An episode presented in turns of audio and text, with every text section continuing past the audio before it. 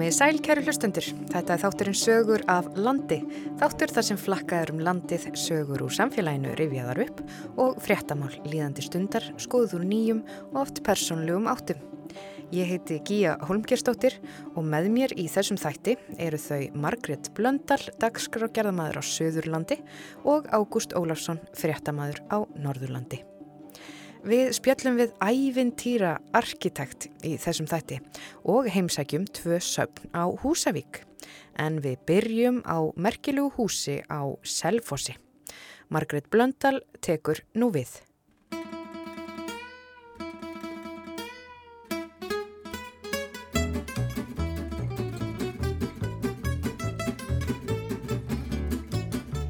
Kæru hlustendur, þá rifjum við upp lönguliðin dagskrálið sem kallaðist Lesið úr landsmálablöðunum.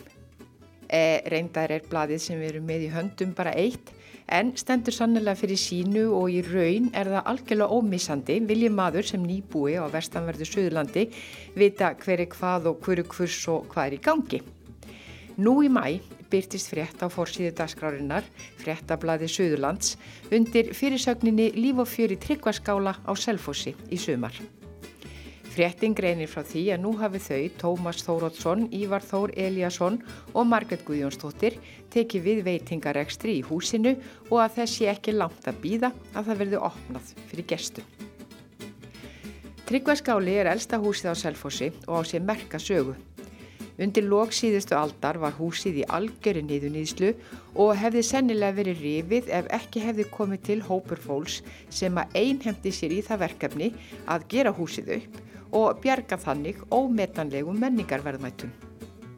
Einur þessum hópi er Bryndís Brynjólfsdóttir, kaupmaður og fyrum íbúi og starfstúlka í tryggvaskála en sagan segir að hún hafði nú ekki verið með 6 ára þegar hún byrjaði að afgreði sjópunni en foreldrarennar Brynjólfur og Kristín keftu skálan árið 1942. Við fengum Bryndísi til að tilla sér niður með okkur á efri hæðin í tryggvaskála og rifja upp sitt hvað úr sögu húsins. Hún er laung, 130 ár núni í haust. E, það var Tryggvi Gunnarsson, alþingismadur, sem byrjaði að byggja vinnuskúr fyrir sig og, og brúa smíði sína 1890 og því að hann hafði tekið að sér að byggja brú hér yfir Ölfsá hún var tilbúin 1891 þannig að húsi var á undan. Þannig að það er fyrsta sem er byggt. Það er vinnuskúr fyrir Tryggva Gunnarsson. Og þetta er elsta húsið á Selfossi? Já, það, það, það voru Selfoss bæirnir svo kalluðu voru eina húsi hér áður og en bærin sá fós í jærskjálta þannig að þau eru endur byggja annað hús og þar að leiðandi var tryggvaskáli elsta hús Selfossbæjar. En svo er farið að byggja við og hvena kemur þú svo í þetta hús? Ó, heyrðu, það, það er náttúrulega lungbyggingasaga þánga til ég fæðist. Það er byggt við til vestus og svo er byggt austur og, og svo er byggt ofan á. Og ymmit á þeirri efri hæð þar fæðist ég árið 1945 því að þá höfðu foreldra mínir tekið við Keftrikvaskála 1942 og hér fæðist ég upp á lofti Svenniberginu því að þau byggu alla tíð í húsinu þó það væri hótel með gesti í gistingu og þá byggum við alltaf hérna einnig. Hvernig var lífið hérna þegar þú varst lítil að skottast þér um þessa, þessa ganga? Það náttúrulega var bara óskaplega gaman. Það var, það var bæði fyrir lítinn krakka náttúrulega með allt þetta fólk. Hér voru náttúrulega kannski 10-15 manns í vinnu og mikið af sama fólkinu þannig að mér var sagt alltaf ég ætti inn að þrjára og fjóra mömmur. Þar vildu allar vera með litlu nátuna en, en það var náttúrulega fullt af ungu stelpum að vinna hérna í eldúsinu og, og salnum og svo það var oft voða fjör og gaman og, og talan ekki um fyrir lilla náta að komast í sjoppun alltaf og geta fengið kúlu eða eitthvað nammi svona í tíma og ótíma sjoppan þó hún sé farin þá lifir hún í minningu margra. Já, þetta var, þetta var, uh, ísala var mikil og svo náttúrulega pulsur og, og, og kaupa kók í bland og, og þegar var vera að fara með plastpókan á sveitaböllin og það var alltaf komið við í sjoppunni. Það, í þá daga var bara vegalindir frá Reykjavík, hún var ekki svo greiðfarin eins og hún er í dag og það var bara komið tími til að fá sér hressing og fara á snýrtningu í þá daga. Og þá var stoppað í tryggvarskála? Já, það, það, var, það var mikið um það og, og, og bæði var hægt að fara hér inn og fá sér mat eða, eða kaff og kökur en, en uh, sumi liti sjoppin að döga og, og þetta var alltaf eitthvað við allar hæfi. Þegar að sko Selfos fyrir að byggjast upp því að aðal staður var náttúrulega Eirabakk á þessum tíma. Og, og uh, smátt og smátt uh, sjá menn það að, að, að Selfos munu kannski verða aðal staðurinn eða staðsetningin með, með tilliti til sveitana hér í kring og, og uh, það þegar að þurfa að fara að kenna börnunum þá var ekkert hús fyrir barnaskólan svo hann var settur inn hér. Síðan þurfti símstöð og, og hún var sett upp hér 1909 og þá voru bara 8 númer og tryggvaskáli var með símanúmi númer 8 og síðan e, þegar eh, ákveður er hjá landsbánkanum að, að það þurfa að koma útibú á Suðurland þá eru það náttúrulega miklar umræður um hvað þetta staðsetja það útibú því að viðskiptin voru náttúrulega eirabakk á þessum tíma. En e, það varðu ofan á að, að, að Selfos var valinn sem, sem aðsetur landsbánkans og, og þá var náttúrulega heldur ekkit annað hús á Selfossi en Tryggvaskáli Þannig að þeir byrjuðu hér og voru hér í, í rúmt ár þanga til húsin sem við kallum Gamla bankan var flutt á Selfoss og, og útibúið flutt í Gamla landsbankan. Og svo er foreldraðínir hérna með veitingaregstur, hversu lengi voruð hérna? Her, þau voru með veitingaregstur hér í 32 ár. Frá uh, 1942 flytja þau hingað austur úr Reykjavík og er loka 1974 þegar að Selfossbær kaupir tryggvaskála. Þannig að þau voru hér í 32 ár. Og þar með leggst af veitingaregstur hér er það ekki? Jú, Selfossbær ætlaði að gera upp húsi, það var komið að viðhaldi, búin að lendi mörgum flóðum og, og það var komið að viðhaldi og Selfossbær kifti húsið með uh, það eh, á áallun að gera þau upp þar sem þetta væri elsta hús bæjarins. Og, og mönnu fannst þá það renna blóðu til skildunar að, að halda upp á elsta húsið. En svo bara líðu árin og, og tímin og það virtist aldrei nást almeinlega samstaði í bæjastjórn, nefni bæjastjórn að fara í þetta verkefni að gera húsið upp.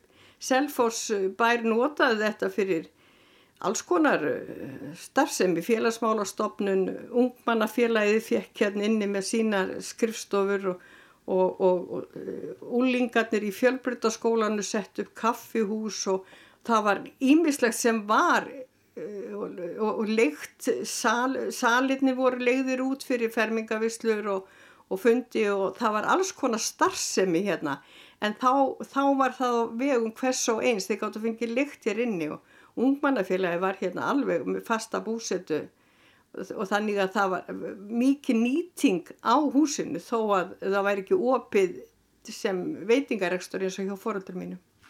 En viðhaldi var ekki synd og húsið, ég var komið í daldi slæmt ástand eða ekki? Jú, það, það náttúrulega þarna, þarna bætast við mörg ár og, og ekki skánaða þannig að það var hrópaði orðið á viðhald maður sá það langa leiðir Hvernig fannst þér að lappa fram fyrir tryggvarskála og sjá hann hörna svona?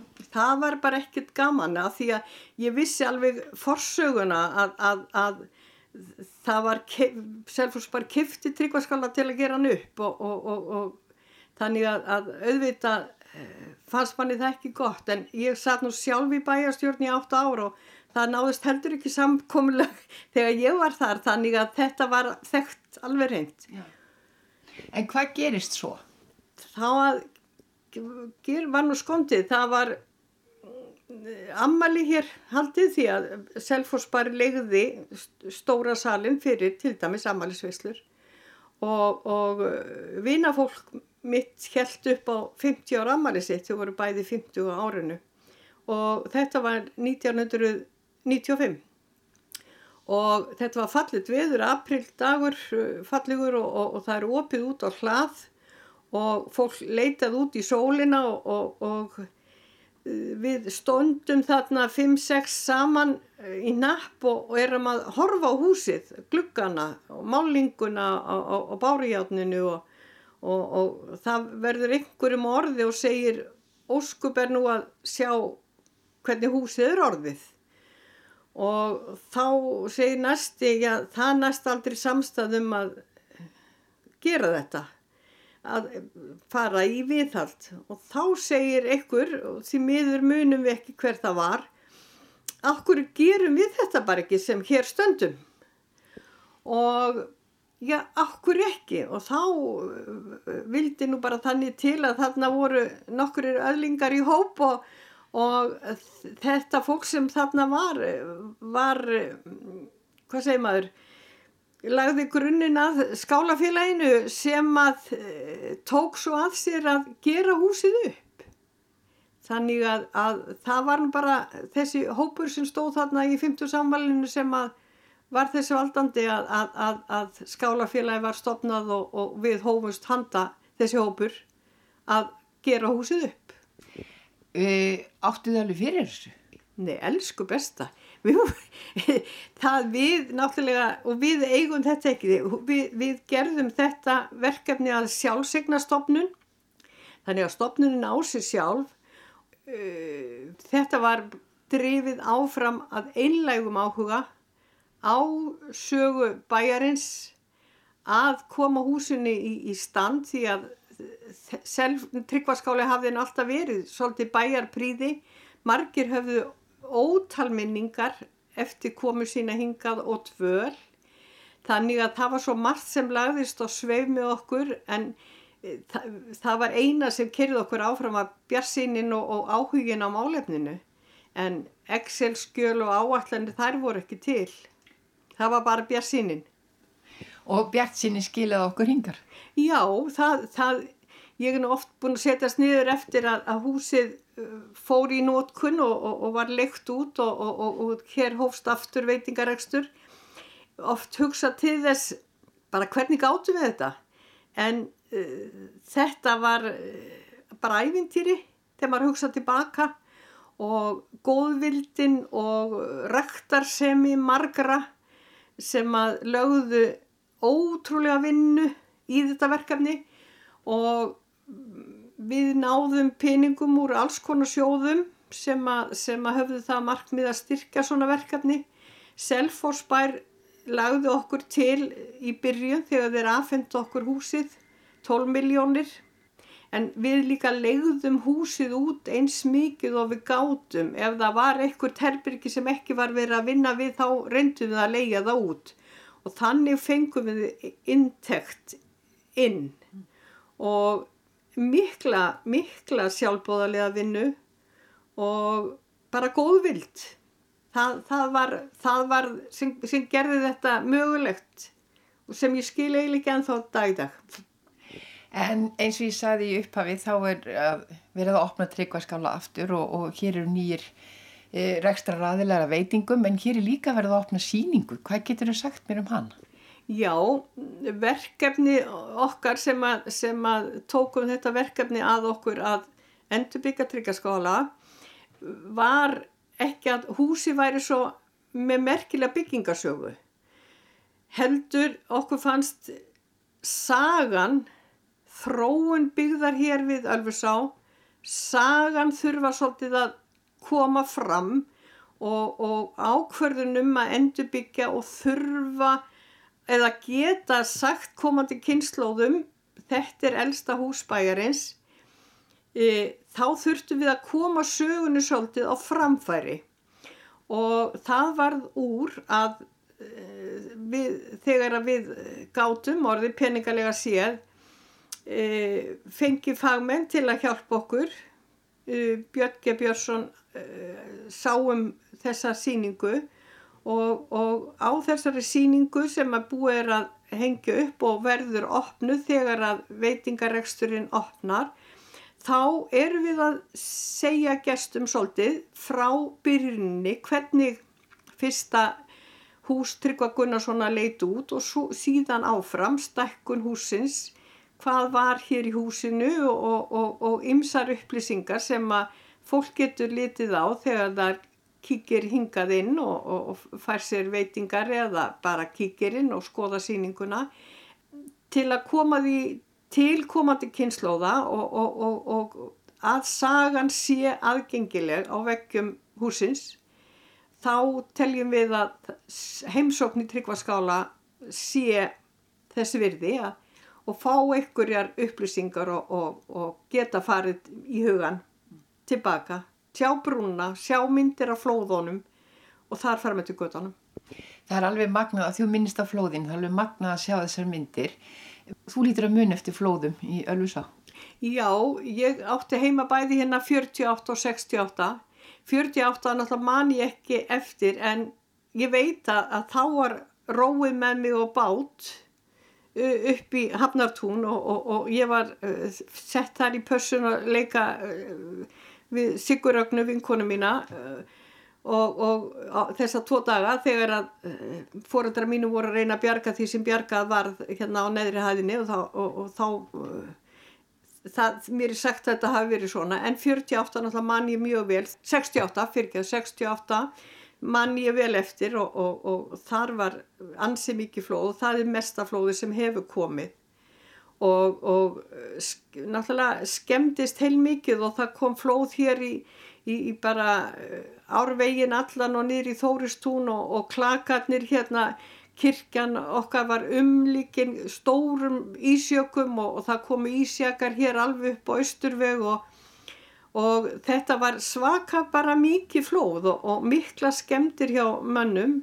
Og, og við skulum líka muna á þessum tíma 68 er viðlega sjóður ekki til. Og hver og einn einstaklingur hér á Selfossi sem var fyrir tjóni varð að bæta sér það bara sjálfur, þetta var bara tjón hvers einstaklings eh, og, og sem var gríðarlega mikið, fóröldra mínar örðu fyrir miklu tjóni, ramaseldavélar og all ramastæki og allt þetta var meira og minna ónýtt. Þetta hefur verið gríðarlegar hamfarir. Já, þetta var það og þetta var svona örvísi flóðheldin hafði komið með þessu miklu ísjakamyndunum þannig að, að, að menn hefði ekki séð svona áður og, og, og, kirkjan bara umlykin ísjökum eins og borgar ísjökum sko. Veistu hvort að fólk kemur hingað og fær sér að borða og svona, já til þess kannski að rifja upp líka eh, eldriferðir hingað, rifja upp minningar?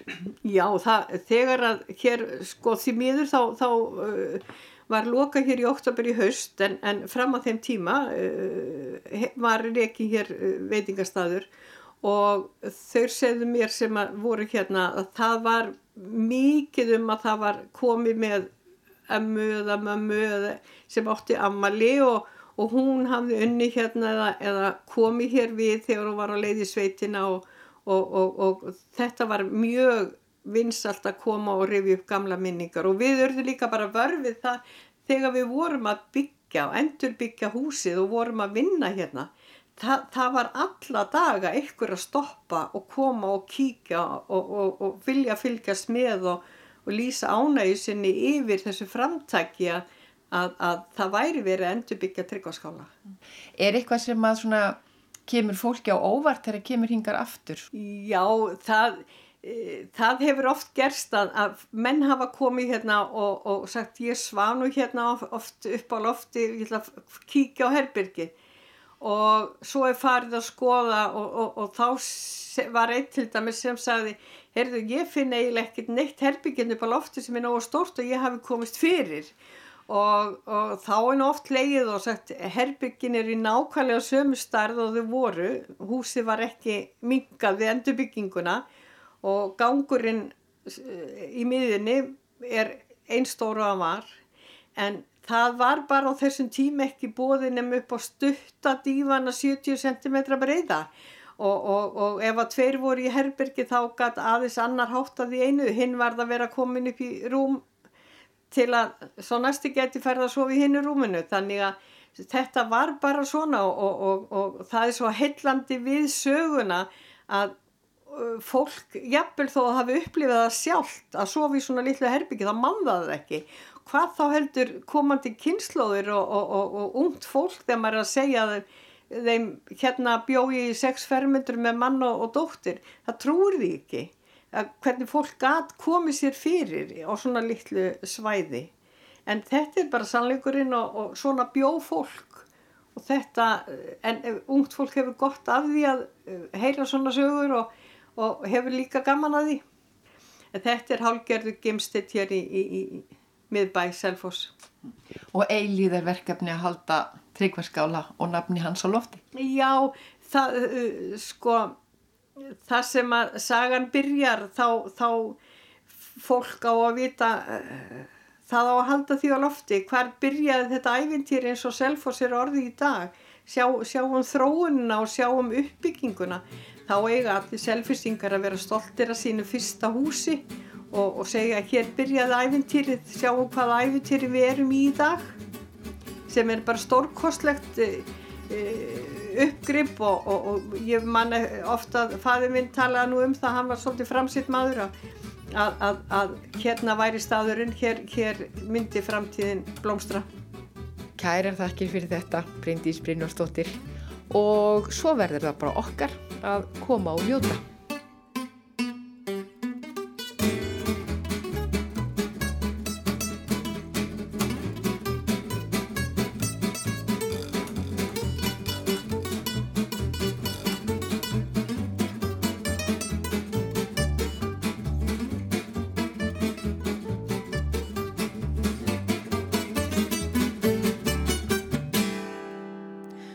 Selfossi höldum við til Húsavíkur og heimsækjum þar tvö söpn.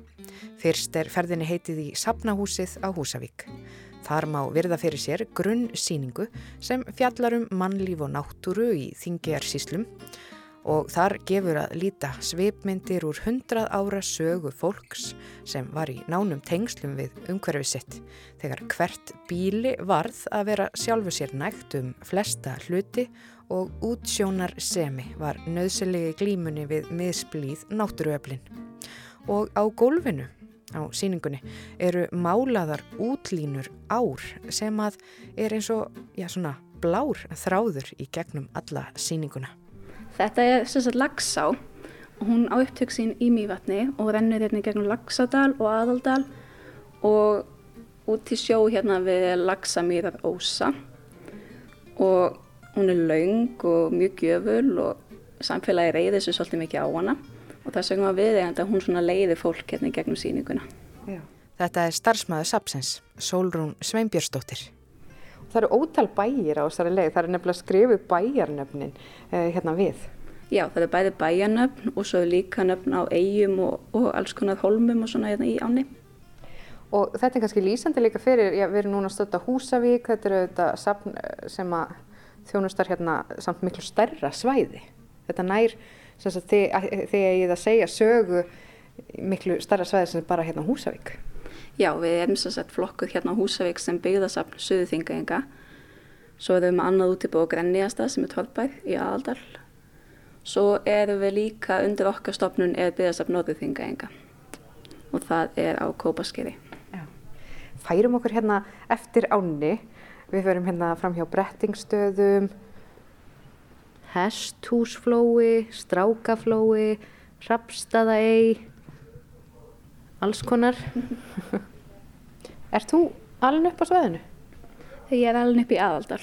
Já, þannig að við förum kannski að nálgast þitt heimasvæði. Við höfum alveg að koma því, núna erum við upp í Laxadal Ok. og núna förum við hérna að nálgast. Við erum hérna komin að, að, að veiði heimilinu í Rauðhólum. Já, já, fetum okkur hérna upp eftir áni og já, við hljótum nú, hér er grenjaðarstæðir. Það er nú, þar er útibú frá ykkur.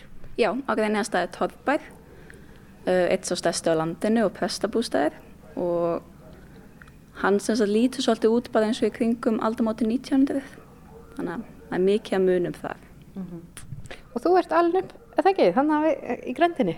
Jú, bara næsta bæ fyrir greinjasta og ég hef verið safverðið þar og langaði minn var fyrsti safverðiðin sem að Kristján Aldjórn skipaði þannig Þannig að þetta rennur svona, er í ættinni, skulum við segja. já, svona áhugi á svona gömlunum hlutum.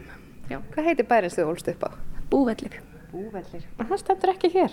Nei, þú, ert að, æ, þú ert að merkja hann inn á. Persónuleg spurning, hver er svona uppáhaldsgripurðu þinn á safninu?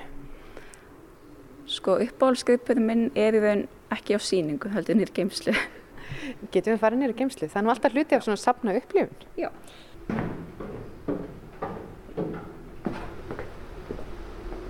Maður heyrir auðvitað vel í loftræstakerfinu hérna í, í, í, geimslunni út af því að hér þarf auðvitað að gæta að ákveðnu raka og hitastígi. Já, það er mjög stranga reglur sem fylgja geimslunum. Og þinn uppáhaldsmunur, hvar leynist hann nú? Hérna. Þetta er í alveg pínu litlum kassa, svona miða við. 140. Má sjá, númer, Þetta hérna er sem sagt dúkkulísusafn. Þetta eru 185 dúkkulísur frá sem sagt aðaleigandinn var kona sem heitir Bryndís Bjarnadóttir og hún var eina af 15 sískinum og sem sagt sýsturna skiptust á að safna svona dúkkulísum og klifta þetta á svona tískublöðum og pöntunarlistum og af þessum 185 dúkkulísum þetta eru konur og börn og húsgögn og alls konar fatnar, það er bara einn dúkkulísu maður. Og að hérna sýsturnar ágæntust mjög þennan mann. Og sérstaklega sýstin Ásta. Og hún sagði einhvern tíma við Bryndísi ef ég egnast ekki mannin þá dey ég. Og þá svaraði Bryndís, já þá er þetta bara dey Ásta mín. Hm. sagði það hafði ekki mikla samúð með þessu og hún vildi bara eiga kallin sjálf getum við að skoða þetta betur? Er, er það í lagi að taka þetta upp úr kassanum? Já.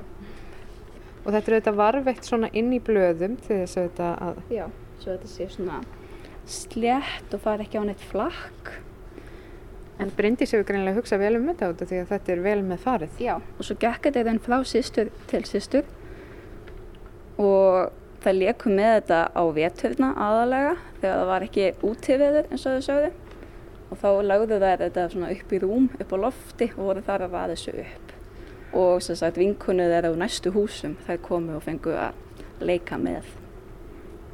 Þetta er þetta mikil gersemi. Mhm. Uh, síðan hvenar er þetta? Þetta er svona 1930 til 1940. Þetta er klift út úr tískublöðum og þær hafa þurft að hafa mikið fyrir þessu. Já, en það hefur örugglega líka bara verið góð skemmtun að einbetta sér að klippa þetta út og dúllast við það. En nú er ég svo forvitin, ég verð að sjá hann eina mann. Já. Hann er auðvitað neðstur. Það ekki, það er alltaf þörlun, þannig þegar mér vantar eitthvað. Já, ekki þarna. Dögla strák. En þeir hafa getað sett upp alls konar hús. Bingo. Og... Er hann þarna? Þarna er einn herramaður. Sko. Vá, hann er flottur. Glæsilegur, ég skil vel að Ásta hafi kynst hann. Hann er klættur í jakkafött. Uh, við hliðan honum eru konur í, í, í tísku þess tíma. Já, ég myndi að segja að þetta væri kringu svona 1940. Hvers vegna er þetta uppáhaldsmunurinn þinn á safninu? Um, aðalega bara af því að við höfum söguna, við höfum svona persónulega frásögn um munin. Við vitum hvað hann kemur, það er mjög mikilvægt í sefnum og alls ekki eitthvað sem við vitum alltaf. Og mér finnst það bara, maður getur svo auðveldlega ímyndað sér notkunnina, ímyndað sér sýsturnar að ræðis upp á rúmunu sínu og rífast yfir manninum og hérna, velja í hvað föt þetta setja dúkkulýstina eða svona. Þetta færi mann líka svona nálægt manns eigin Já. reynslu all, eh, að margir hafa rifist við hérna, ættingja eða sískinni eða, eða leikfélaga Já. um dót. Einmitt. Og það voru náttúrulega 15 þessi sískinni í húsinu þannig að það hefur auðvitað verið já, eitt eða tvö riðvildi á dag þannig að maður svona kemst svo auðvitlega inn í lífið þeirra með því að sjá þetta til dæmis. Frá sapnahúsinu á Húsavík likur leið okkar á kvalasapnið þar í bæ. Þar tekur á mót okkur framkvæmdastjóri sapsins Eva Björk Káradóttir. Hérna fyrir framann mig er stór merkilegur hlutur. Segðu mig frá þessu. Já, við erum sérst hérna í kvalasapninu Húsavík og stöndum fyrir framann beinagrind af steipirið. Eh, þetta var kvalur sem að laka á land 2010 eh, og var þá 25 metrar langur og hann er settur upp hérna í kvalasapninu. Eh, hann er settur upp svona á kvolvi eins og hann hafi bara strandað náttúrulega og er henni bara sokkið ofin í sjóin. Og já, þetta, maður getur hérna gengið senast alveg meðframánum og bara fengið að upplifa hvað hann er ótrúlega stór og magnaður. Það er einmitt upplifunin sem að maður fær þegar maður sér þessa út af því að maður veit að þetta er stór skeppna en að sjá beinagrindina þá gerir maður svona virkilega grein fyrir stærðinni. Já, vissulega. Eh, Steipirðar eru stærstu dýr sem að hafa nokkuð tíma að lifað á jörðinni. Eh, þeir eru starri heldur en í rauninni risaðilina sem voru einnig undan en maður tekur tillit til all, veist, alls líkansmassans sem að Eh, er á þeim. Þannig að þetta er vissulega stórmerkileg dýr. Og sagan af því að, að, að þessi beinagreind kemur hingað, uh, hún er nú svona pínu flókin eða? Já, það voru á sínum tíma mikla deilur um það hver ætti að eignast beinagreindina og hvar hún ætti að vera höfð til sínis. Uh, og þá voru sagt, deilur á milli kvalasapsins og náttúruminnasapsins í Reykjavík. Af því að þeir vildi nú hafa hana hjá sér þar sem þetta er merkilegu gripur og vildi geta haft hana aðgengilega þar en að lókum þá vann kvalasafnið þessa baráttu þar sem að safnið okkar er tilengja kvölum og þá væri vissilega svolítið missir að geta ekki syngt þessa ótrúlega grind hérna hjá okkur. Já, svona munirnir hérna á kvalasafninu, þetta, þetta er snýst allt svona í kringum kvalin, en hvernig byggir þetta upp? Við reynum að fjalla um kvali á bara eins vitakan hátt og við getum. Uh, við erum með 11 eh, og halva beinagrind til sínis. Eh, þær eru allar af kvölum sem eru bara sjálfdauðir og hafa bara rekið á land. Síðan höfum við síningar um kvalveiðar við Ísland, við erum með síningar um kvalreka, eh, það er listasíning hjá okkur. Við erum með þrjár heimildamindir sem að fólk getur fylst með og lært þá annarkvört um hegðum kvala, hljóðmengun í hafinu og séð svona smá svipmyndir frá kvalverkun á kvalvinnslu stöðum. Uh, já, þannig að við svona reynum að brúa bylið alveg bara frá líffræði yfir í svolítið samskipti manna við kvali og bara reynum að fjalla um það á eins viðtakan hátt og mögulegt er. Mm. Það eru þetta kvalaskoðunafyrirtækin eru hérna allt í kring og það er já, það sem að margir komið til húsauku til þess að gera þessum ferðamennum sem koma. Hvort er algengara að fólk fari fyrst í kvalaskoðununa og svo hingað eða komið fyrst hingað og farið svo í kvalaskoðun? Það er eiginlega allur gangur á því. Uh, ég myndi segja að það væri virkilega sko, verðmætt að koma fyrst í safnið áður maður fyrir kvalaskoðun þannig að maður svona fái smá viðtakari þekkingu áður maður fyrir að sér þá í sínu náttúrulega umhverfi en það er vissulega bara bæði vinsalt að koma bæði fyrir eða eftir. Og nú notaðu við stöndum, stöndum hérna við beinagrindina á steipiriðinni ég sé svona einhvern eins og feld inn í uh, hvað kallast þetta? Þetta... Já, segðu mér út af því að mér finnst þetta svona eins og gærufeldur en þetta er auðvitað bara hluti af um, ræginu í rauninni. Já, þetta er í rauninni skýðin úr kvalnum. Þannig að þetta, það sem við erum að horfa á, þetta er það sem að skýðiskvalir nota eins og tennur. Mm. Uh, við erum að horfa á skýðin sem ætti að vera í efri uh, part af muninum ánum og þegar hann semast, fyllir bara munin af sjó þá síjar hann út allt vatnið með því að íta tungunni upp að þessum hárum sem að þá halda eftir sveitjörnum og því svona litla sem hann kingir neður. Já. Og það er frekar magnað að þið látið hann vera á kvolvi. Þið hafið bara ákveðið það frá upphafið þegar þið fenguð beinagrindina. Það var í rauninni aldrei neitt annað í bóði. Eh, þegar beinagrindin var verkuð þá var hún sett eh, sest, í vaspað í sundlaug í kvalferði til þess að ná eh, restinu af kjötinu og fytinu úr beinunum og vatni var hreinlega bara aðeins of heitt þannig að beinin eru svolítið viðkvam eftir þessa meðferð þannig að það var bara í rauninni ekki hægt að hengja hann upp. Mm. En það hefði þetta verið skemmtilegt að hengja hann upp svona eins og risaðurina í, í safninu New York. Já, það hefði verið alveg frábært en vonandi fáum við bara fljótlega aðra starri grind sem við getum hengt upp einhver staðar á öðrum stað. Hvernig grein eru, já svona sumar, út af nú er svona sumarið handa við hotni þó að séu þetta kulda tíð, eh, hvernig grein eru svona ferðamannaströyminn? Við erum sjáum bara mikinn mun strax í þessari viku og frá þeirri síðustu. Þannig að það eru alltaf að koma fleiri gestir, við erum að sjá mikið að ferðamennum frá bandaríkjanum og ég er bara mjög bjart sem fyrir sumrunu. Ég held að verði mikið að gera. Hvenna stopnuðu þetta safn? Fyrsti svona vísirinn á safninu var stopnaður árið 97 og þá var það bara lítil síning hérna inna á, í kjallarannum á hótelinu á Húsavík og það var síðan bara flutt og hefur bara stækkað jæmt og þétt síðan þá. Mm. Og helst það svolítið hendur við uppgangin í kvalaskoðunar fyrirtækjunum? Já, ég myndi segja að þetta haldist allt mjög stert í hendur. Það er í rauninni bara 2005 sem að kvalaskoðun byrjaði í Ísland, hann að þessi grein hefur vaksið jæmt og þétt, mm. svona bara á öllum liðum. Já. Hver eru svona þín næstu verkefni til þess að fara í? Nú ertu já, safnið er svona að byrja, það er að koma suma verktíðin, hver eru svona verkefnin ykkar núna framöndan? Núna erum við bara að vinna í því að ráða inn gott fólk til að vinna með okkur í sumar, erum að fara að fylla á míningaraböðumverslunina og hlökkum bara virkilega til að taka móti fólki sem að heimsækja okkur á næstu vikum. Eva Björk, takk fyrir að segja mér aðeins frá já, aðalega þessari stórun merkilegu beinagrind af steipirheðinni og líka svona smá að fræða okkur hérna um kvalasafni á Húsavík. Næst ætlum við að kynast ævintýra arkitekt. Ferðaskrifstofan Sportferðir er lítið fyrirtæki í ferðarþjónustu í eigafyrði sem þó kemur víða við. Að baki fyrirtækinu er fjölskylda ættu frá bænum Kálfskinni á Árskókströnd og skipulegur flest allt sem við kemur ferðarþjónustu. Marino Sveinsson er einn af eigandunum og hann titlar sig ævintýra arkitekt sem segir eða til allt um það hvernig sískinnin frá kálskinni starfa. Ágúst Ólusson settist niður með Marino og spurði frétta af starfseminni.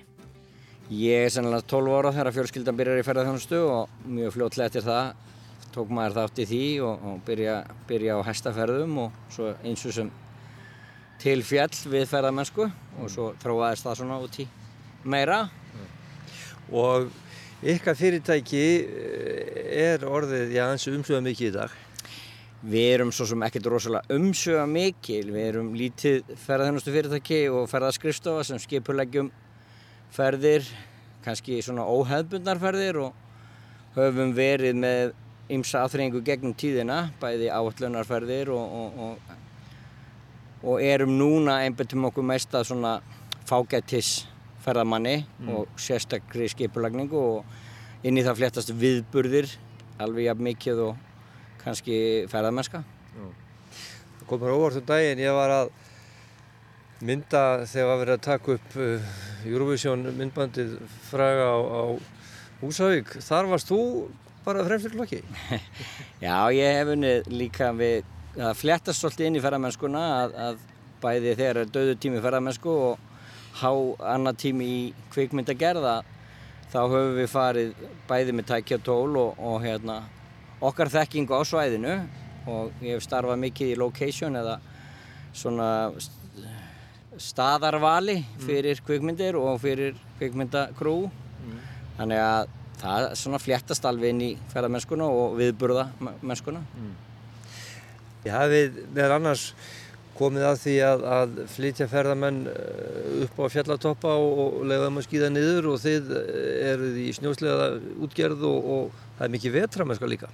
Já, já, þetta er svo sem byrjar eiginlega mest á því að það vildi náttúrulega engin, eða var engin ferðamæður á vetri til. Við fórum að fara í eppaferðir og vélslega því að fjölskyldan hefur verið í því alla tíð og og því ekki að leifa þeim að prófa eitthvað svo leiðis og það spannst yfir í það, jújú, jú, og, og, og fara með skíðamenn á vélsleðum, bæði upp á hálendið og, og til að skíða niður fjallamennskan, svo hefur þetta bara vaksið og breyst gríðarlega gegnum árin og fjalla skíðamennska með öllum mögulegum tilbröðum, eh, þyrlu skíðun og túring og annað hefur vaksið gríðarlega hérna á Tröllaska og Tröllaskæin er orðið svona eitt þekktasta kennileiti í fjallaskíðamennsku í Evrópu.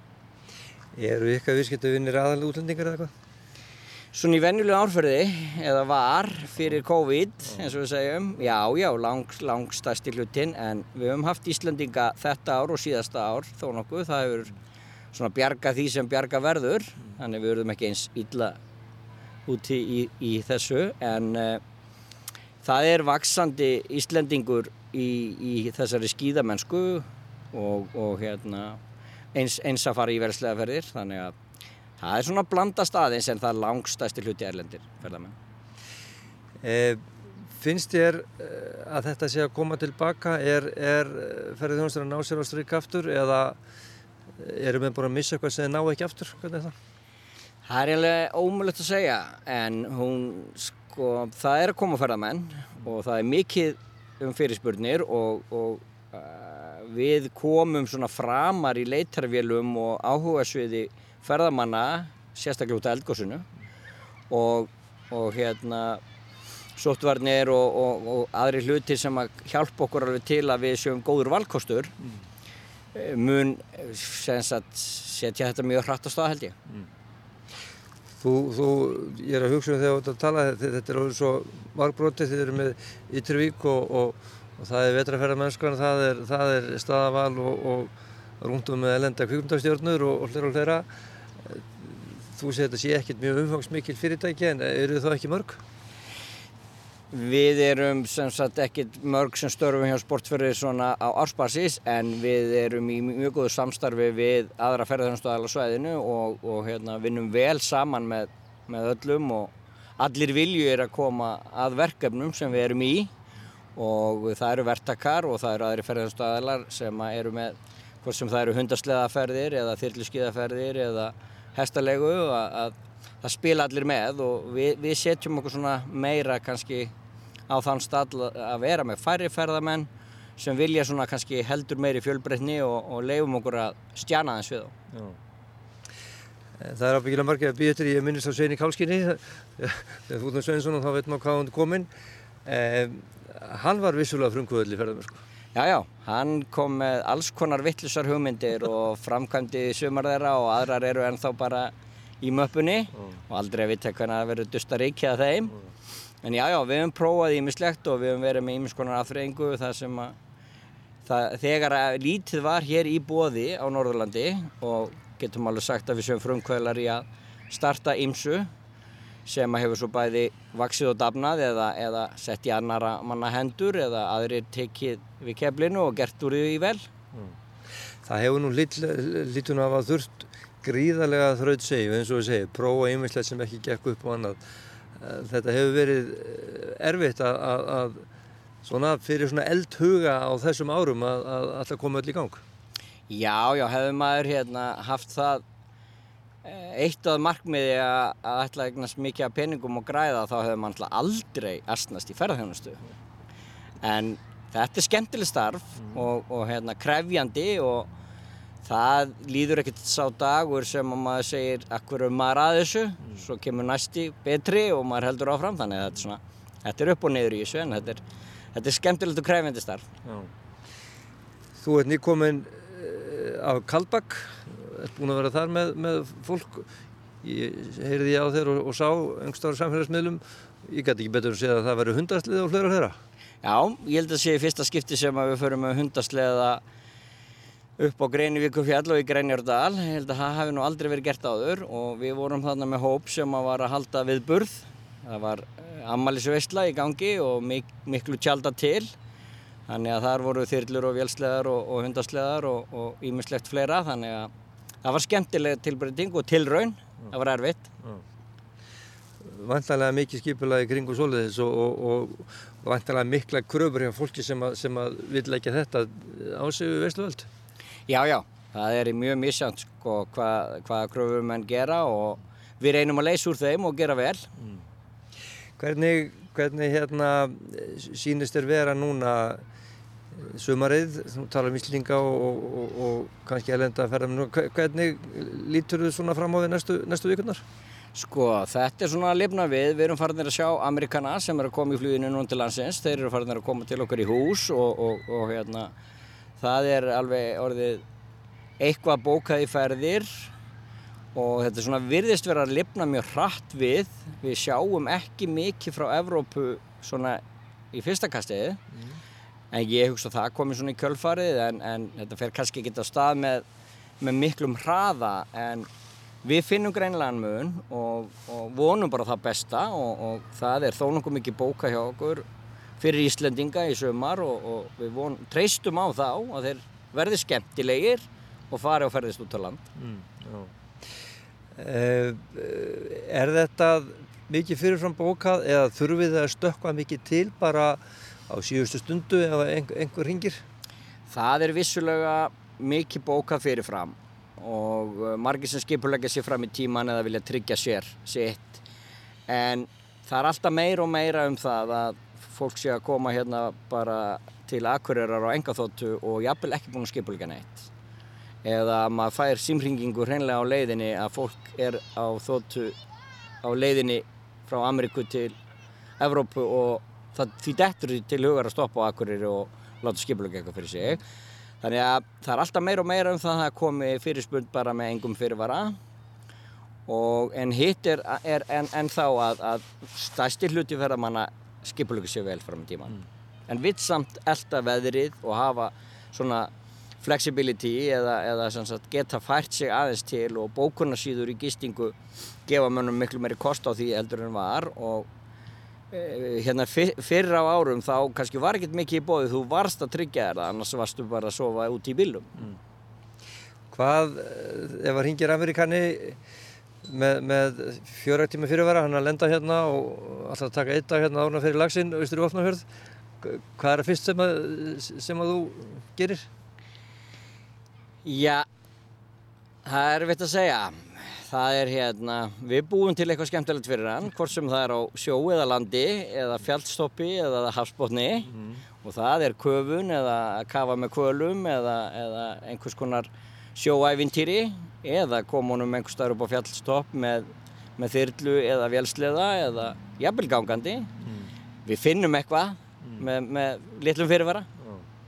Sumir eh, hafa reykið sama hótelið árum saman og, og finnst það bara fínt bara eitt hús, 20 herbyggi og eitthvað þið ykkar fyrirtæki eru langt frá því, þið eru í öllum skvallanum Við erum reyndar búin að rekka ferðarþjónastu á Ytrivík síðan 83 mm. og hún hefur vaksið svona hægt og rólega og er enþá bara lítil og skemmtilega eining og það er svona, það er svona botstykkið mm. síðan getum við leikið okkur aðeins út frá því og, og hérna, gert skemmtilegri hluti heldur en að vera bara á einum stað en uh, við hefum svona ákveðið að fara kannski ekki með neinum gassagangi eða byggja risahótel eða fara fram á okkur og, og hérna sopna bara rólegir á kvöldin og, og beðið eftir einhver skemmtilegu daginn eftir Nei.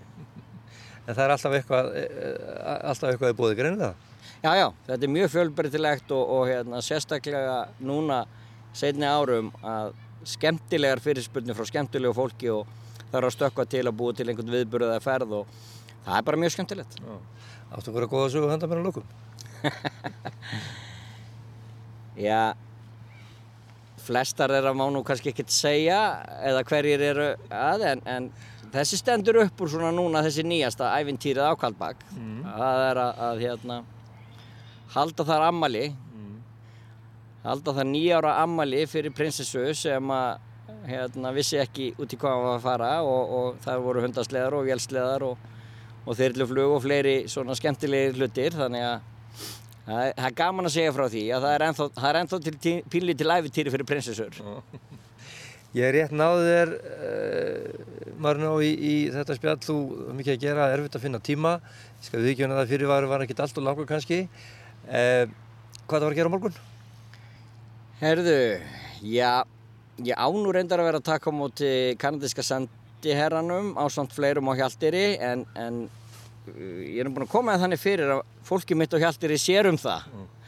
og uh, samtök ferðarþjónstunar eru að visitera og aðtöku hvort að eitthvað fari í gang þannig að ég held að á morgun verði svona sittlítið að hverju mm. og aldrei að vita nefn að ringi einhver með stuttu fyrirvara og vilja fara í einhverju ferð.